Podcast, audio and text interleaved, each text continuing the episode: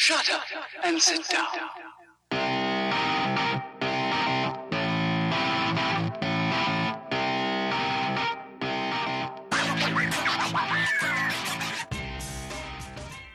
Halo, selamat datang di Bisnis BS Podcast. Seperti biasa, kita akan membahas perspektif menarik dari suatu isu dengan argumen ilmiah tentunya yang berdasarkan fakta, khususnya di sisi bisnisnya tentunya ya, dengan bahasa casual dan sehari-hari supaya yang bukan anak bisnis pun bisa ngerti gitu. Dan episode kali ini bahannya seru banget nih. Superhero. Mungkin anak sekarang suka ini ya, suka ngeledekin legenda sang kuryang, cerita wayang, ah itu nggak nggak mungkin tuh. Padahal mereka juga suka yang berbau fantasi. Ya bentuknya superhero kalau zaman era sekarang. Dan kita sekarang bakal membandingkan dua kerajaan terbesar dari superhero, yaitu Marvel lawan DC. Kalau zaman dulu tuh biasanya yang suka superhero kayak gini kan para nerd doang ya, yang pada suka baca komik gitu. Tapi zaman sekarang ini beneran semua orang juga suka yang gak terlalu suka komik pun ya bakal nonton filmnya gitu. Itulah betapa gedenya pasar superhero sekarang. Bahkan di Indonesia pun makanya sekarang kan udah ada universe superhero juga kan. Yang isinya tuh ada Gundala, Sri Asih, ya begitu-begitulah.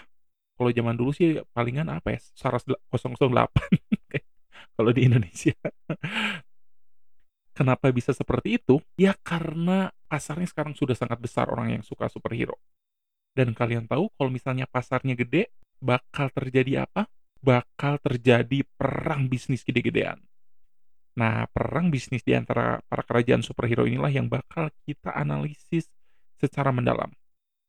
Terus apa serunya sih episode kali ini? Jadi episode podcast kali ini kita bakal ngeliat bagaimana industri superhero ini nih dari mulai muncul terus mau bangkrut berkali-kali sampai ujungnya bisa rebound dan sekarang sih jadi untung gede dan udah jadi industri raksasa.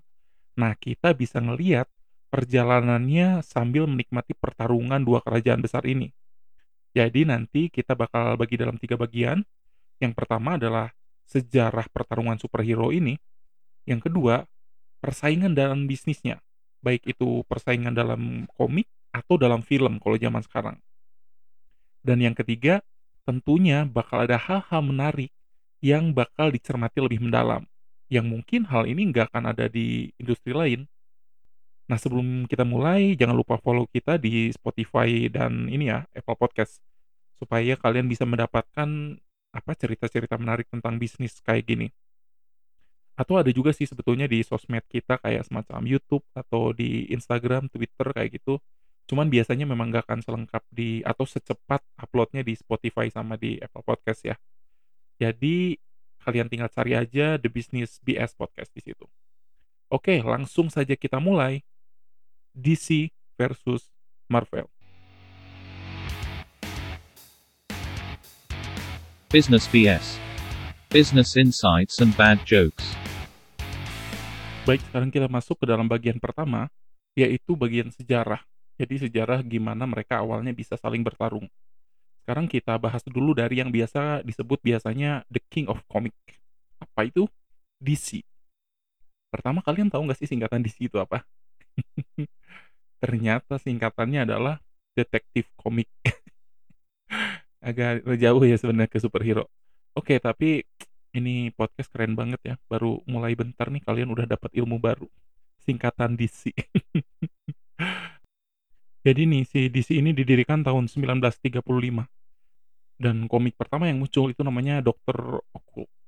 Tapi tentunya yang paling terkenal itu kalian tahu lah ya dua superhero paling terkenal dari DC itu adalah Superman yang pertama muncul tahun 1938 dan lalu Batman yang muncul tahun 1939.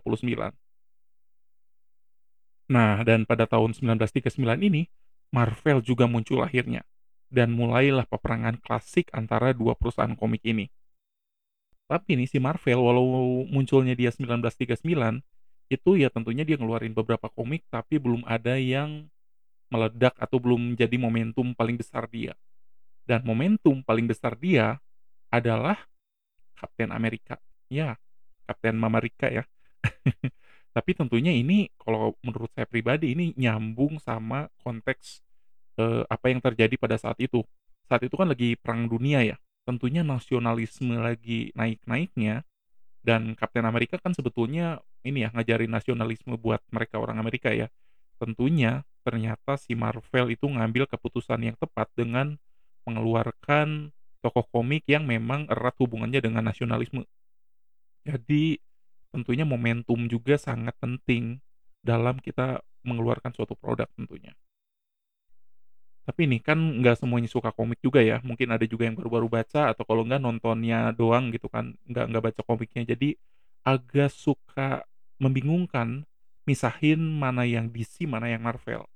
Nih karena kita masih awal-awal, saya jelasin secara singkat aja beberapa tokoh yang terkenalnya doang sih. Jadi nih yang masuk ke DC itu Batman, Superman, Green Lantern, ini tuh yang filmnya cupu banget, parah banget. Terus Wonder Woman, terus Flash. Itu Flash itu yang agak-agak mirip Gundala itu bentukannya. Buh, kalau saya pribadi sih suka banget Batman sih sebetulnya. Soalnya komiknya tuh dark gitu kan. Terus penjahatnya keren juga terus banyak dilema-dilema etis gitu tuh dalam komiknya tuh. Jadi nih eh, ngomong-ngomong soal penjahat, beberapa penjahat villainnya itu terkenal juga ya di komik-komik DC sama Marvel. Kalau di DC itu yang terkenal misalnya adalah villainnya atau lawannya Batman, si Joker. Sama Lex Luthor itu lawannya Superman. Bahkan si Joker ini banyak orang yang gak suka dia disebut villain. Mereka senengnya itu bilang ini anti-hero katanya. Ya whatever lah ya. Lalu buat yang Marvel itu kalau superhero-nya itu yang terkenal itu Spider-Man, Hulk, tentunya Iron Man, Captain America seperti yang udah kita bahas dan Wolverine juga masuk ke sana. Sedangkan untuk penjahat terkenalnya itu mm, contohnya itu Dr. Doom, Magneto atau Green Goblin. Itu lawannya si Spider-Man. Tapi entah kenapa ya kalau saya ngerasa kalau di Indo tuh kalau Marvel yang paling terkenal tuh Spider-Man. Tapi kalau di luar itu Captain America sama Iron Man deh kayaknya. Ya entah entah juga ya kenapa. Padahal kan kalau di Indonesia ini ya susah saya pikir Spider-Man hidupnya nyari gedung tinggi sebanyak itu. Pohon-pohon mungkinnya bisa ya. di hutan gitu bertarungnya. Nggak tahu juga tuh kalau di pohon sawit itu bisa nggak ya? Nah itu sekilas sejarah dan juga tokoh-tokoh dari kedua eh, universe ini supaya kalian nggak bingung. By the way, ada juga yang mengkategorikan ya walaupun nggak semuanya nih. Kalau misalnya komik-komik di situ karakternya itu punya power atau punya kekuatan tuh kayak dewa-dewa, tapi mereka berwujud atau mereka nyamar jadi manusia. Ya mungkin contohnya kayak Superman gitu. Kalau Marvel itu tuh sebaliknya. Jadi mereka itu manusia, cuman punya power kayak dewa. Ya itu biasanya mereka eh, apa jadi mutan atau digigit hewan lah misalnya kalau Spider-Man kan kayak gitu. Atau Iron Man yang menciptakan si robotnya gitu. Tapi tentunya itu nggak semua karena ya dua-duanya pun ada yang agak-agak mirip gitu sih. Nah, sekarang karena kalian sudah lebih paham mengenai dua perusahaan ini, kita bakal masuk ke aspek bisnisnya.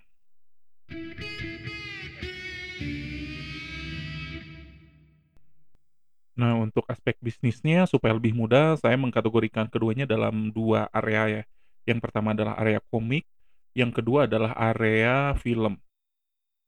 Nah, buat Marvel fans ya, tadi saya bilang DC itu King of Comic itu bukan karena pilih kasih atau karena saya suka Batman seperti yang saya bilang tadi ya. Itu tuh simply dilihat dari si penjualannya. Jadi nih DC ini memang merajai kalau di sisi komik. Penjualan yang paling terkenal dari si DC ini adalah komik Superman. Dia itu udah ngejual 600 juta eks- eksemplar. Kebayang gak sih segimana banyaknya? Lalu yang kedua paling laku tentunya ya si Batman. Batman ini terjual sekitar 460 juta eksemplar. Nah, kalau misalnya lawannya nih dari Marvel, komik apa coba yang menurut kalian paling terkenal? Kalau saya sih udah udah nebak sih. Jawabannya adalah Super eh Superman. Spider-Man. Spider-Man ini ngejual sekitar 360 juta. Jadi bahkan si penjualan yang paling gedenya di Marvel itu tuh masih tetap kalah sama penjualannya Batman yang jelas-jelas bukan nomor satu. Padahal ya kalau di Indonesia itu memang terkenal banget sih Spider-Man nih. Saya juga sampai ingat lagunya yang itu kan yang Spider-Man, Spider-Man, friendly neighbor Spider-Man. Walau dulu belum tahu bahasa Inggris juga. Itu memang kayaknya lagu superhero yang paling diingat sama anak Indo ya. Selain Wiro Sableng sama Sakti sih. Kalau itu seluruh ininya seluruh lagunya apa. Nah, yang pertama kan tadi Spider-Man nih. Yang berikutnya adalah X-Men sama Captain America kalau di Marvel. Jumlahnya sama sekitar 270 jutaan. Nah, sekarang ini di tahun 2010-an ke sini emang orang-orang udah baca kembali komik ya. Kalian pun mungkin mungkin udah banyak yang balik lagi baca komik. Tapi sebetulnya itu naik turun. Jadi enggak konsisten sih baca komiknya dan memang baru mulai dibaca lagi setelah kemunculan si uh, komik-komik ini apa karakter komik ini di film. Jadi gini nih si alur waktunya untuk si komik. Tahun 30-an meledak. Ini bahkan disebut sebagai golden age of uh, komik ya.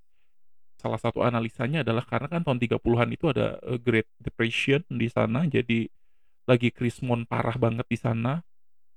Mereka butuh semacam hiburan, butuh sosok superhero dan itu mereka temukan di komik. Salah satunya itu terus juga keadaan politik waktu itu sangat tidak bagus dan mau masuk ke perang juga. Jadi saat itu komik memang jadinya laku laku-laku keras. Tapi pada tahun 40-an akhir tuh, ternyata pasar udah mulai agak bosen dengan komik. Komik superhero ya maksudnya. Terus mereka kan tetap harus bayar gaji pegawai dan lain-lain ya. Terus para pemilik komik ini jadi bingung, apa yang harus kita lakuin ya? Dan salah satu strategi yang mereka ambil waktu itu adalah diversifikasi. Jadi nggak cuman ke komik-komik superhero, mereka menciptakan komik-komik lainnya.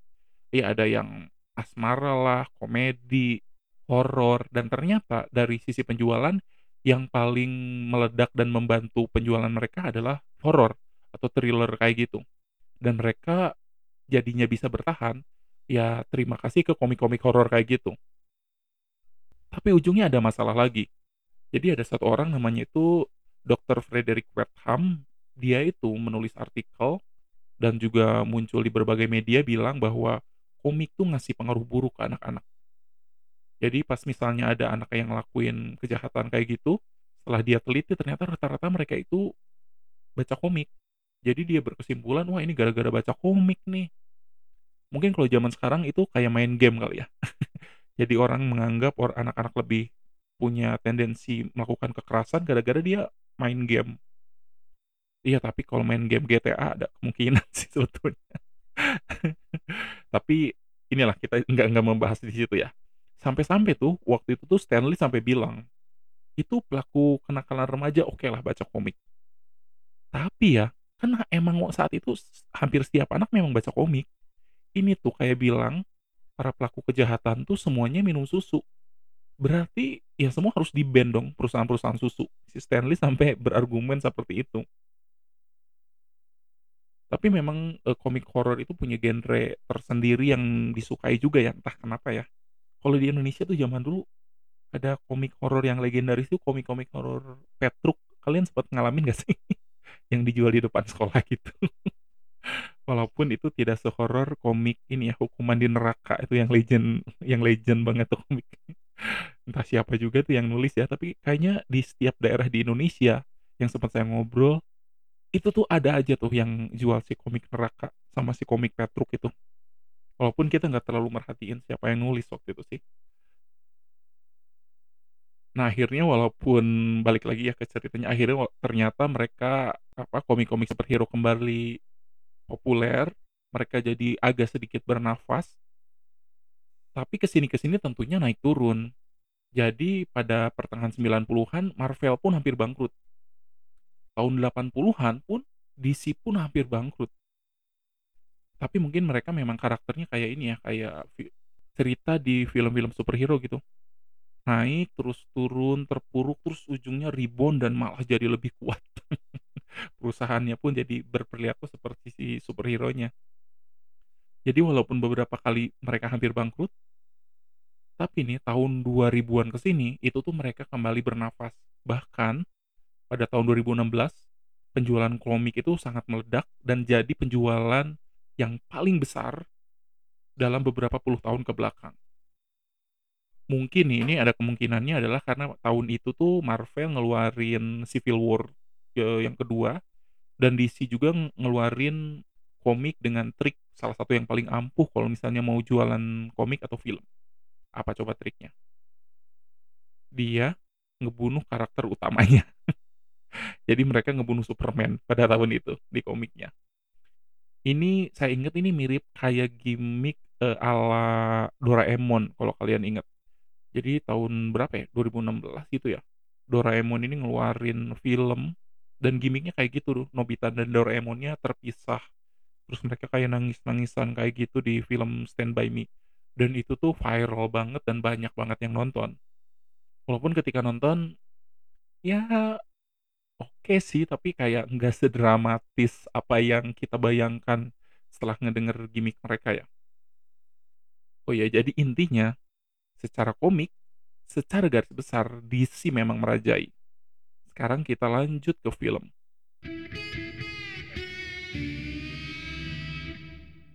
Di sini pun di film sebetulnya yang pertama kali masuk ke dunia film itu adalah DC. Tapi apakah yang tersukses juga? Nah, kita lihat. Soalnya belum tentu. Pacar pertama juga belum tentu yang terbaik kan. Sedap. Jadi DC ini pertama kali masuk ke dunia film itu tahun 1951. Itu tuh ada Superman dan Mole namanya. Mereka mulai ngehadirin apa dua tokoh itu ke bioskop. Terus tahun 66 Batman juga mulai masuk juga ke dunia film. Tapi sebetulnya itu tuh hasilnya so-so lah, nggak segitu meledaknya gitu. Jadi ya cuman jadi biasa aja. Yang pertama kali meledak mereka harus nunggu agak lama, yaitu tuh film Superman. Dan itu dia masuk blockbuster dengan pendapatan sekitar 300 juta dolar. Itu tahun 70 berapa ya? 78-an kalau nggak salah. Dan Marvel tuh masuknya agak telat. Marvel tuh masuk tahun 1977.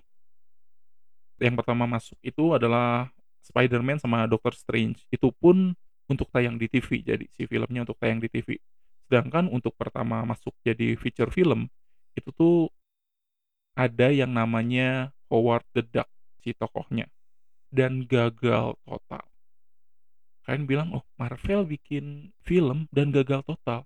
Kenapa ya? Gini deh, Kalian tahu nggak Howard the Duck? Exactly. Itu alasannya. Dan pertarungan film mereka itu berlanjut ke tahun 90-an sama 2000-an juga. Dan pada tahun-tahun itu memang sih ada film DC yang bagus, tapi ya nggak nggak segitu meledaknya ngebuat genre superhero itu naik. Jadi justru walaupun awal-awal itu Marvel babak belur ya di dunia film, tapi justru Marvel yang jauh lebih dominan sekarang di dunia film. Bahkan mereka juga yang pertama kali ngebuat yang meledak sampai ujungnya genre superhero diterima sama masyarakat umum. Kita langsung lihat datanya aja deh ya. Per 2019 akhir aja, tiga terbesar film superhero yang paling laku itu adalah semuanya dari Marvel. Yang pertama Avenger Endgame itu 2,8 miliar dolar, terus Avenger Infinity War dan yang ketiga adalah Marvel, The Avenger. Dan itu juga sebetulnya alasan kenapa Marvel yang hampir-hampir bangkrut itu bisa tiba-tiba meledak. Salah satu jawabannya secara bisnis adalah karena saat itu mereka bertaruh atau mempertaruhkan sumber daya yang mereka punya ke satu hal. Apa itu? Marvel Universe.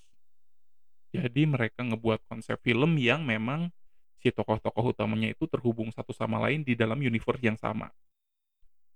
Mereka pertama ngeluarin Iron Man, terus meledak, terus ya ada tokoh-tokoh lain kayak Hulk atau Thor, dan ujung-ujungnya ya ketahuan bahwa mereka itu satu universe. Terus tahun 2012 tergabunglah mereka di dalam film The Avenger. Dan itu beneran jadi pemecah rekor saat itu dengan 1,5 miliar dolarnya supaya kalian dapat perbandingan betapa gedenya dampak si The Avenger ini, itu kan 2012 ya, mereka dapat 1,5 miliar dolar. Justice League nih, ya ini semacam Avenger-nya DC, gabungan dari super-superhero mereka itu di tahun 2017, alias 5 tahun setelah Avenger meledak, mereka itu cuma dapat sekitar 650 juta dolar. Jadi tapi walaupun budgetnya itu gede banget sebetulnya yang di situ, budgetnya itu kalau nggak salah sekitar $300.000.000 ditambah dengan marketing bla bla bla itu mereka kayak ngeluarin uang $750.000.000. Artinya kemungkinan besar mereka rugi. Terus kenapa sih DC bisa sampai rugi kayak gitu ya, di film yang harusnya jadi kolosal? Dan alasannya adalah itu panik. Kenapa panik? Jadi banyak kritikus ngelihat kar mereka itu udah kalah langkah sama Avenger. Udah pu 5 tahun pula ya si Avenger ngegabung-gabungin sedangkan mereka belum. Terus mereka berpikir si DC ini, ya udah kita harus bikin yang kayak gitu juga. Karena tokoh-tokoh mereka sebetulnya ya nggak nggak kalah juga sama tokoh-tokoh Marvel, tetap punya basis fans yang gede. Tapi masalahnya ada satu, mereka itu ngegabungin jadi si Justice League, tapi tanpa pelan-pelan membangun cerita personal masing-masing tokoh. Jadi kalau di Marvel kan dilihatin dulu si Iron Man-nya kayak gimana, sejarahnya kayak gimana, perjalanan karakternya kayak gimana, terus dilihatin Captain America kayak gimana, begitu seterusnya. Si DC itu kayak nggak punya banyak waktu atau nggak meng menginvestasikan banyak waktu yang membangun cerita yang cukup sehingga fans itu beneran pengen ngikutin banget mereka gitu. Bahkan banyak fans DC bilang pengen diulang si ininya, si universe-nya, ya udah cerita dari awal lagi deh di-reset, banyak yang bilang kayak gitu. Soalnya banyak cerita yang akhirnya jadi bolong-bolong dan jadi agak maksa. Jadi ibarat kata kalau kalian yang suka bola ya, ini tuh kayak panic buying-nya MU. Karena panik ya udah dibeli aja gitu. Maguire 80 juta, hajar bleh. Van de hajar bleh. jadi akhirnya jadi malah kontraproduktif juga buat si perusahaan. Padahal mereka itu harusnya bisa belajar dari tahun sebelumnya. Jadi satu tahun sebelum mereka bikin Justice League, mereka itu bikin ngeluarin salah satu yang kolosal banget dan ditunggu-tunggu banget sama banyak fans DC saat itu, yaitu Batman versus Superman. Kebayang nggak dua tokoh utama mereka bertarung dalam satu film? Wah gimana nggak ditunggu-tunggu tuh kan ya? Dan ini si film ini nih pas minggu pertama sebetulnya weekend pertamanya mereka itu beneran disangka orang bakalan sukses. Jadi mereka dapetin 166 juta di weekend pembukanya mereka. Itu bahkan ngalahin Dark Knight. Jadi si Batman itu memang salah satu film paling kerennya DC dan itu pun dikalahin. Angka itu tuh nomor 8 sepanjang masa loh buat pembukaan ya.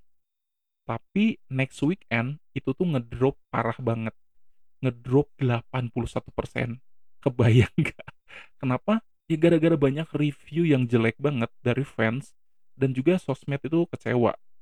Di Rotten Tomatoes aja itu mereka rate-nya 27% kalau nggak salah.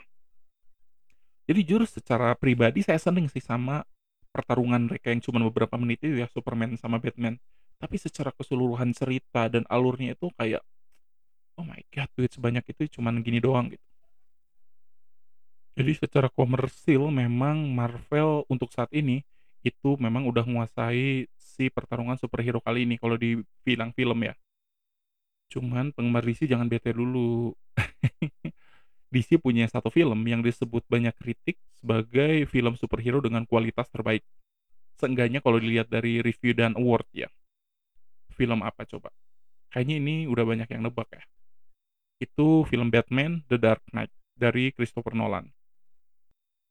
Jadi menurut Ultimate Movie Ranking itu tuh ranking yang mengkombinasikan antara box office, review, terus dapat awardnya berapa. Itu tuh menempatkan The Dark Knight di posisi nomor satu di antara film-film superhero ya. Sayangnya dia itu dikeroyok film-film Marvel. Jadi beneran peringkat-peringkat bawahnya itu kayak lima besar aja itu tuh ada Guardian of the Galaxy, seru sih itu memang. Terus Iron Man, Avenger tentunya, Spider-Man.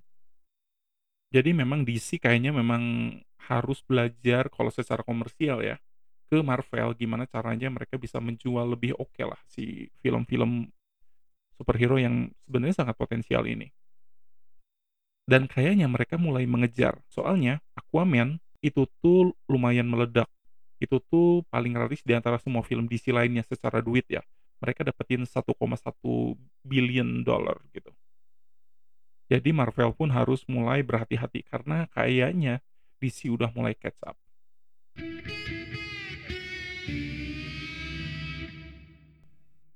Nah, sekarang kita bakal masuk ke hal yang nomor 3, yaitu hal-hal menarik apa sih yang sebetulnya bisa kita sorotin atau bisa kita pelajarin dari kasus pertarungan DC sama Marvel ini. Yang pertama adalah bisnis harus cocok dengan timingnya. Seperti yang tadi udah sempat dijelasin, tahun 30-an kan emang golden age of comic ya. Mereka itu lagi depresi, lagi perang, mereka butuh hiburan yang murah, mereka butuh pahlawan, terus waktu itu juga harga komik memang lebih murah dibanding buku-buku secara umum. Jadi ya karena nggak ada duit ya udah mereka baca itu aja gitu. Selain ringan juga isinya. Jadi bisnis emang harus lihat timing dan kesiapan situasi. Nah sekarang kan di Indonesia tuh udah ada universe ya. Itu cocok nggak ya? Kalau dilihat timingnya harusnya sih iya ya. Yang pertama kayaknya negara lagi agak kacau dan butuh pahlawan. Lalu yang kedua adalah pasarnya itu kalau buat saya pribadi itu udah siap. Siap gimana? Mereka udah disiapin sama pertarungan DC sama Marvel ini. Jadi orang Indonesia sudah sangat terbiasa dengan konsep cerita superhero. Dan si superhero itu udah nggak dianggap film anak-anak lagi. Ya gara-gara pasarnya atau market kita sudah dididik atau diedukasi oleh Marvel sama DC. Jadi thanks to DC and Marvel. Lalu yang kedua adalah perang superhero ini ngebuat kita tahu pentingnya masalah IP atau kekayaan intelektual. Soalnya dua grup ini kan memang dapat duitnya banyak dari ini ya, ngejual semacam lisensi dari kekayaan intelektual mereka. Saat ini yaitu salah satunya adalah karakter-karakter dari superhero mereka. Si karakter superhero mereka itu dijadiin baju, jadi mug, jadiin film, jadiin game, ya jadi apa pun mereka bisa ngeduitin. Dan di Indonesia pun kayaknya udah beberapa kreator tuh udah keren banget sih, udah mulai masuk ke situ. Misalnya yang terkenal kayaknya di Indonesia tuh si Juki kan udah ini ya kita udah tahu gambarannya kayak gimana gitu. Terus tai lalat, terus Popo juga yang gambarnya unik itu kan yang bulat-bulat begituan tuh. Itu adalah hal yang kedua. Dan hal yang ketiga adalah dari komik ini atau dari superhero ini sebetulnya kita bisa mengedukasi masyarakat dengan isu-isu sosial yang pengen diangkat. Contoh nih, kalau misalnya dilihat di komik-komik DC sama Marvel, itu tuh mereka memang pada umumnya pengen ngangkat isu sosial yang ada pada saat itu tentunya ya, supaya bisa menyampaikan kritik atau memperlihatkan ke masyarakat bahwa ada masalah nih kayak gini nih. Contohnya nih, X-Men. X-Men itu setahu saya dia memang pengen ngajarin kalau beda itu ya nggak apa-apa. Jadi kekuatan yang punya mutan itu kan memang intinya beda. Tapi pada saat itu kan memang mereka memang dianggap aneh atau dianggap unik. Padahal itu super powernya kita. Jadi kalau misalnya ada keunikan personal, ya udah nggak apa-apa. Anggap aja beda itu biasa banget gitu. Terus ada juga Black Panther. Kalau Black Panther memang momennya kemarin sih filmnya itu kan cocok banget karena ada gerakan Black Lives Matter, terus ada memang ada kekerasan rasial juga di US. Jadi cocok banget dan untuk tackle dan mengedukasi masyarakat mengenai si rasisme itu. Bahwa American-American pun ngerasa punya hero sendiri gitu. Mereka sama spesialnya kayak ras lain. Dan tentunya kalau sekarang ada superhero yang muslim juga misalnya. Walau tentunya itu ada unsur marketingnya ya tentunya. Tapi ya nggak apa-apa ya asal value-nya bagus. Dan komik ini tentunya menyasar juga isu gender. Dan untuk isu gender ini banyak yang memandang bahwa DC itu lebih progresif. Soalnya dia superhero wanitanya lebih awal dan juga ngeluarin film yang tokoh utamanya superhero wanita sendirian itu lebih awal juga. Jadi Wonder Woman itu keluar tahun 1941 si komiknya ya. Kalau Captain Marvel itu tuh 1968 keluarnya. Untuk filmnya pun sama, DC lebih awal. Wonder Woman itu keluarnya 2017. Sedangkan untuk Captain Marvel kan baru keluar 2019 kemarin ya. Bahkan seingat saya tuh Hulk sempat protes, kok ini mainannya Black Widow cuman sedikit diproduksinya. Padahal kan ya sama-sama ini ya sama-sama di Avenger yang sama-sama keren gitu. Lalu hal menarik berikutnya adalah ketika dua komik ini berusaha untuk diversifikasi, eh tahunya jadi masalah. Jadi yang bisa kita pelajari, diversifikasi itu penting, apalagi di saat-saat krisis ya. Intinya kan cash flow tetap harus jalan. Tapi kita harus memperhatikan jangan sampai ketika kita memperluas bidang area kita, jangan sampai ngerusak tanda kutip jualan utama kita.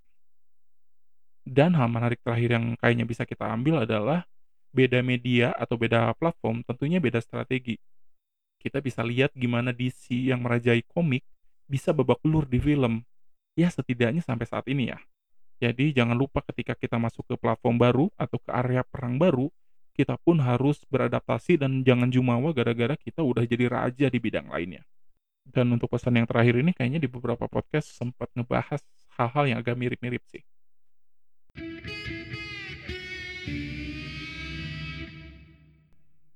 Oke, tadi itu adalah perjalanan panjang kita melihat pertarungan antara DC sama Marvel. Kalian bisa menyampaikan pikiran kalian ya, siapa tahu mungkin kan banyak yang lebih mania komik dibanding saya yang tahu ini kayaknya salah nih atau oh enggak enggak enggak kayak gitu deh. Kalian bisa berpendapat di sosial media kita. Tapi satu hal yang menarik dari pertarungan mereka kalau saya lihat DC dan Marvel bertarung malah ngebuat masing-masing jadi lebih baik dan berusaha improve dan nguntungin kita sebagai penonton karena jadi lebih asik nontonnya. Ini tuh kayak Lionel Messi sama Cristiano Ronaldo sih kalau saya lihat. Karena dua-duanya bersaing, dibanding-bandingin, mereka dua-duanya nge-push masing-masing.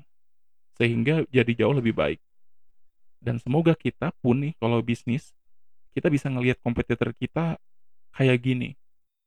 Bisa saling ngedorong satu sama lain yang ujung-ujungnya ya tentunya dua-duanya jadi lebih lebih baik gitu. Oke, jangan lupa buat follow The Business BS Podcast untuk analisis bisnis yang menarik dan penuh dengan intrik kayak gini berikutnya ya. Terus ke depannya bakal ada kasus apa lagi sih? Ke depannya tentu lebih banyak isu-isu yang bakal kita dianalisis dengan isu bedah bisnis tentunya. Yang bakal menarik dan juga belum tentu kalian temuin di channel-channel lainnya. Jadi supaya kalian gak ketinggalan update-nya, jangan lupa follow kita di Spotify sama Apple Podcast. Di Anchor juga ada sih. Dan juga di sosmed kita. Kalau kalian mau mengusulkan misalnya topik apa yang menarik buat kita bahas di IG, Twitter, sama di YouTube-nya. Bisa di search aja The Business BS Podcast. Langsung muncul deh. Oke, sampai jumpa di podcast berikutnya. That's enough BS for today. Cheers!